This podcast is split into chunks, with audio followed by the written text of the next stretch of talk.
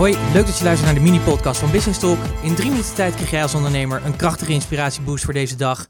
En de boost die ik je vandaag wil meegeven is connectie cells. Heb jij wel eens iemand op je eerste date te huwelijk gevraagd? Dan zul je natuurlijk zeggen, ja Pieter, wat is dat nou weer voor een rare vraag? Maar even serieus, heb je dat wel eens gedaan? Nou, misschien heb je dat wel eens gedaan, maar dan is natuurlijk de vraag in welke staat van beschonkenheid was je? Als je dat al überhaupt had gedaan, niet positief bij je zinnen.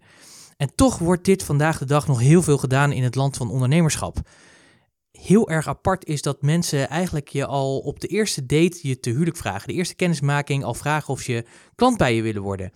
Maar zo werkt het natuurlijk niet. Het belangrijkste is dat je eerst een connectie maakt. Zo simpel is dat. Bedenk maar eens hoe je je geliefde, als je een geliefde hebt, hebt veroverd of hoe je dat in het verleden hebt gedaan.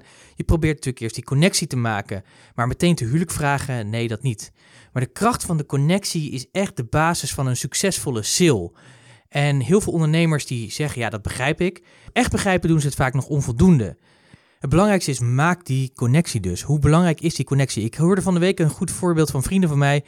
Uh, ze hebben een dochter die ging op Koningsdag uh, wat dingen verkopen. Tegenover haar was een dame die een standje aan het opzetten was. Moest geholpen worden.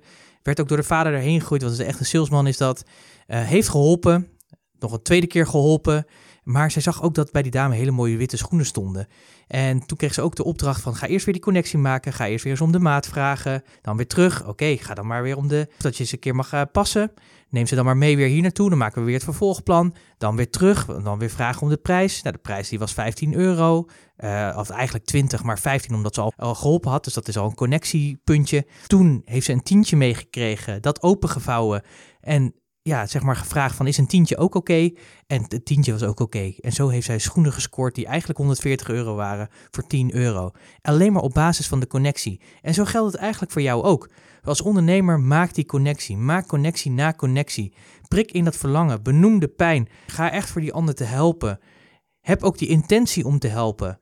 En moet je eens kijken wat er dan allemaal kan gebeuren doordat je alleen maar die connectie, connectie, connectie hebt gemaakt. Ja, het vraagt misschien wat meer tijd, maar de benefits zijn daar ook naar. Ik zou zeggen, denk hier eens over na. Denk eens waar jij nog meer de connectie kan maken dan dat je nu doet. En neem natuurlijk weer die actie, want zonder actie geen resultaat. Ik wens je er veel plezier bij en spreek je graag weer morgen. Tot morgen.